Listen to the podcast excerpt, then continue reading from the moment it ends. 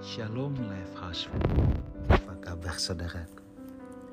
Yakobus 5 ayat 16 berkata demikian Karena itu hendaklah kamu saling mengaku dosamu dan saling mendoakan supaya kamu sembuh.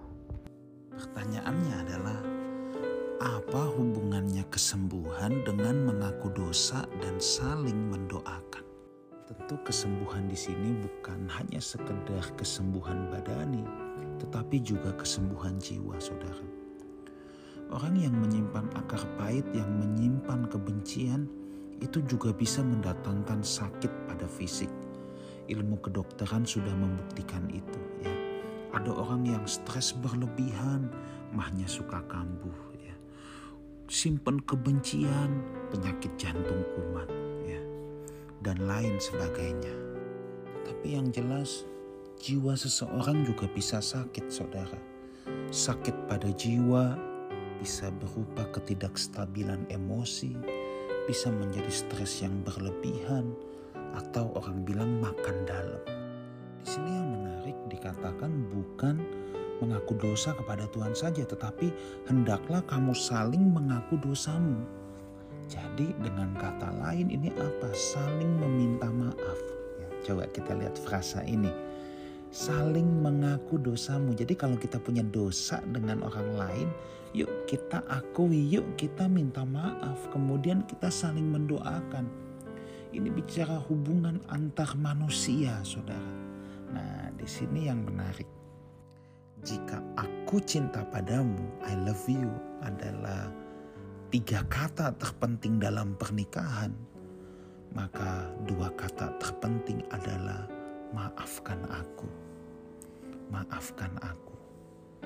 Ketika kita bersedia mengakui kesalahan kita, baik kepada pasangan atau maupun kepada orang lain, saudaraku ya, di mana kita berbuat kesalahan, hal ini akan mendatangkan kesembuhan bagi jiwa kita. Hal ini akan membuat kita juga belajar rendah hati Makanya kita harus punya prinsip gini saudara, terutama dalam pernikahan. Kalau kita mau pernikahan kita terus meluap dalam saling mencintai, ada satu prinsip gini. Kapan saja kita berbuat salah, akuilah, minta maaf. Dan kita bertekad untuk tidak mengulanginya lagi. Tetapi kapan saja kita benar, diam sajalah. Nah, kita sering kali terbalik, saudara. Ketika kita merasa diri kita benar, baik konteks kepada pasangan maupun kepada orang lain, kita suka berkoar-koar, kita suka ngomong ke mana-mana.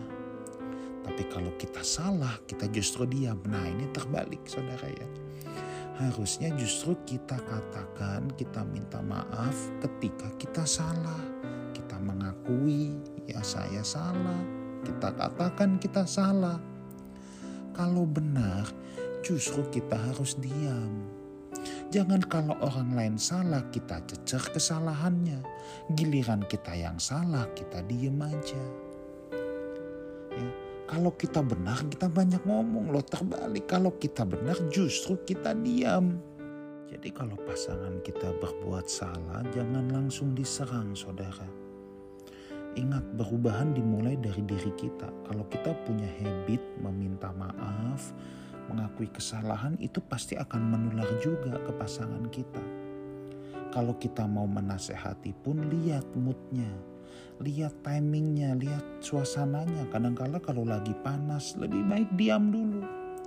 Nanti kalau udah adem, baru dibahas pelan-pelan, baru diomongin pelan-pelan ketika kita benar itu bukannya berarti kita berhak untuk banyak mulut loh. Ketika kita benar bukannya berarti kita berhak bicara apa saja. Ada saatnya kita harus diam. Mau mengkoreksi pun kita harus melihat saat dan waktu yang tepat. Kalau orang masih lagi panas, udah chill down dulu, nanti baru diomongin. Ingat, saling mengaku dosa, saling meminta maaf, dan saling mendoakan itu menyehatkan jiwa kita. Saya berdoa Lifehouse Community menjadi pribadi-pribadi yang sehat, bukan saja secara jasmani, tetapi juga secara rohani, secara jiwani. Tuhan Yesus menyertai kita semua. Haleluya.